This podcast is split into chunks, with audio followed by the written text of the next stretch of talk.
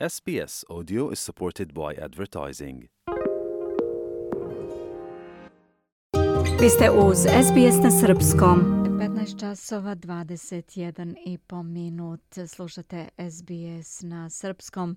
Ja sam Biljana Ristić. Slede aktualne teme.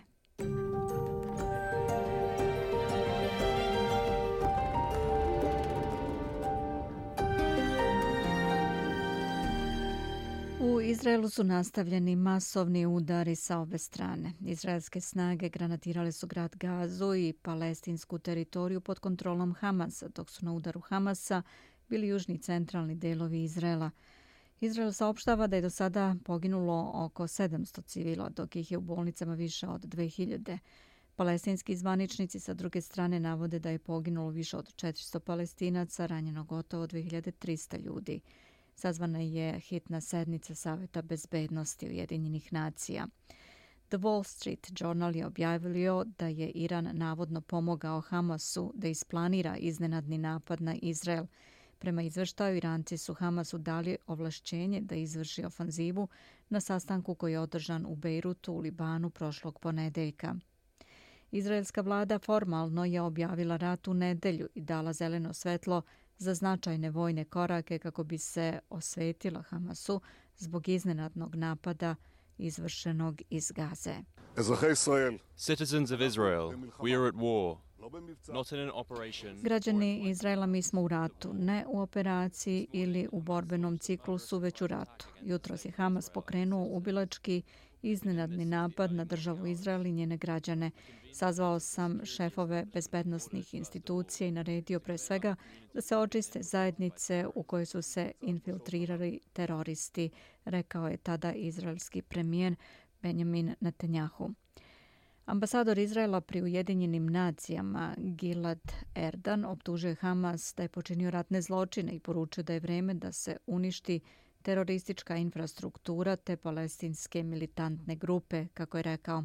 On je napad uporedio sa onim što se u Njujorku desilo pre 22 godine. This is Israel's 9-11.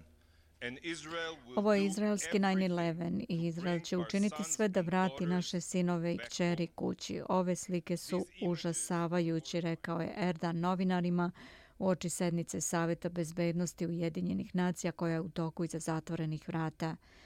Sjedinjene države su pre početka zasedanja zahtevale od svih 15 članica da osude gnusne terorističke napade koje je počinio Hamas. Američki predsjednik Joe Biden izrazio je čvrstu i nepokolebljivu podršku američkom savezniku i upozorio bilo koju drugu stranu neprijateljsku Izraelu koja bi tražila šansu u ovoj situaciji. Kineski ambasador u Ujedinjenim nacijama Zhang Jun Istakao je da Peking osuđuje sve napade na civile i da je važno da se čuje glas Saveta bezbednosti koji je zadužen za održavanje međunarodnog mira i bezbednosti. Sednica iza zatvorenih vrata neće doneti zvaničnu rezoluciju, prenosi Times of Israel. Na terenu visoki zvaničnik Hamasa Musa Abu Marzuk tvrdi da ta militantna grupa drži više od stotinu izraelskih talaca, uključujući visoke vojne zvaničnike, navodi se u izveštaju palestinske novinske kuće El Hadat, prenosi Times of Israel. Umeđu vremenu, roditelji Izraelaca koje je oteo Hamas održali su konferenciju za štampu i zamolili za sastanak sa vladom kako bi pomogli u pronalaženju njihove dece. Hamas tvrdi da je gađao aerodrom Ben Gurion i da je ispalio stotinu raketa na grad Ashkelon – Times of Israel javlja da je u tom gradu oštećena jedna kuća i da je povređeno dete. Također, Hamas tvrdi da ne cilja civile.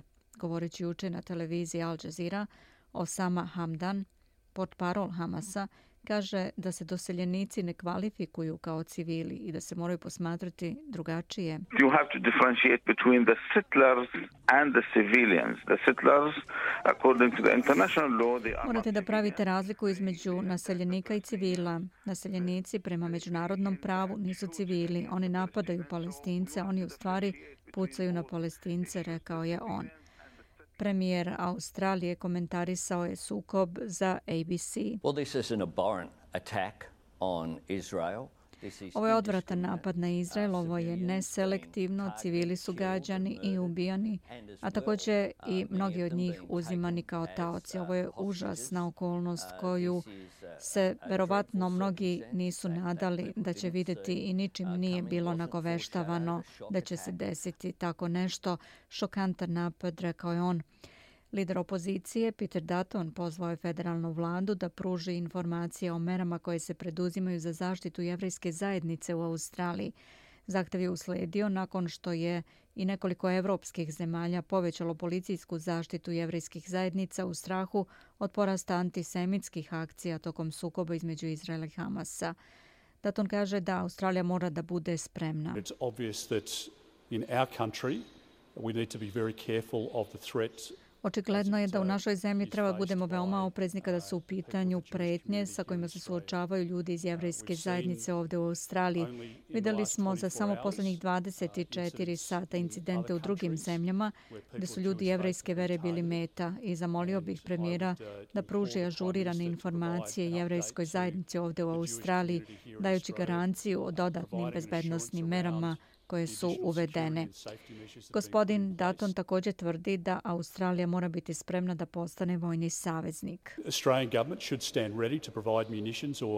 Uh, Vlada Australije treba da bude spremna da obezbedi municiju ili opremu ili odbrambeni materijal ako to zatraži Izrael, a mi treba da stavimo do znanja Izraelu da je australijska vlada spremna da pruži takvu podršku ako to bude zahtevano, rekao je Dutton. Dok većina svetskih zemalja iskazuje podršku Izraelu, neke ipak daju podršku Hamasu. U Turskoj, Iraku, Iranu, Siriji, Libanu i Jemenu demonstracije podrške palestincima održane su u subotu i u nedelju. Slušate SBS na srpskom.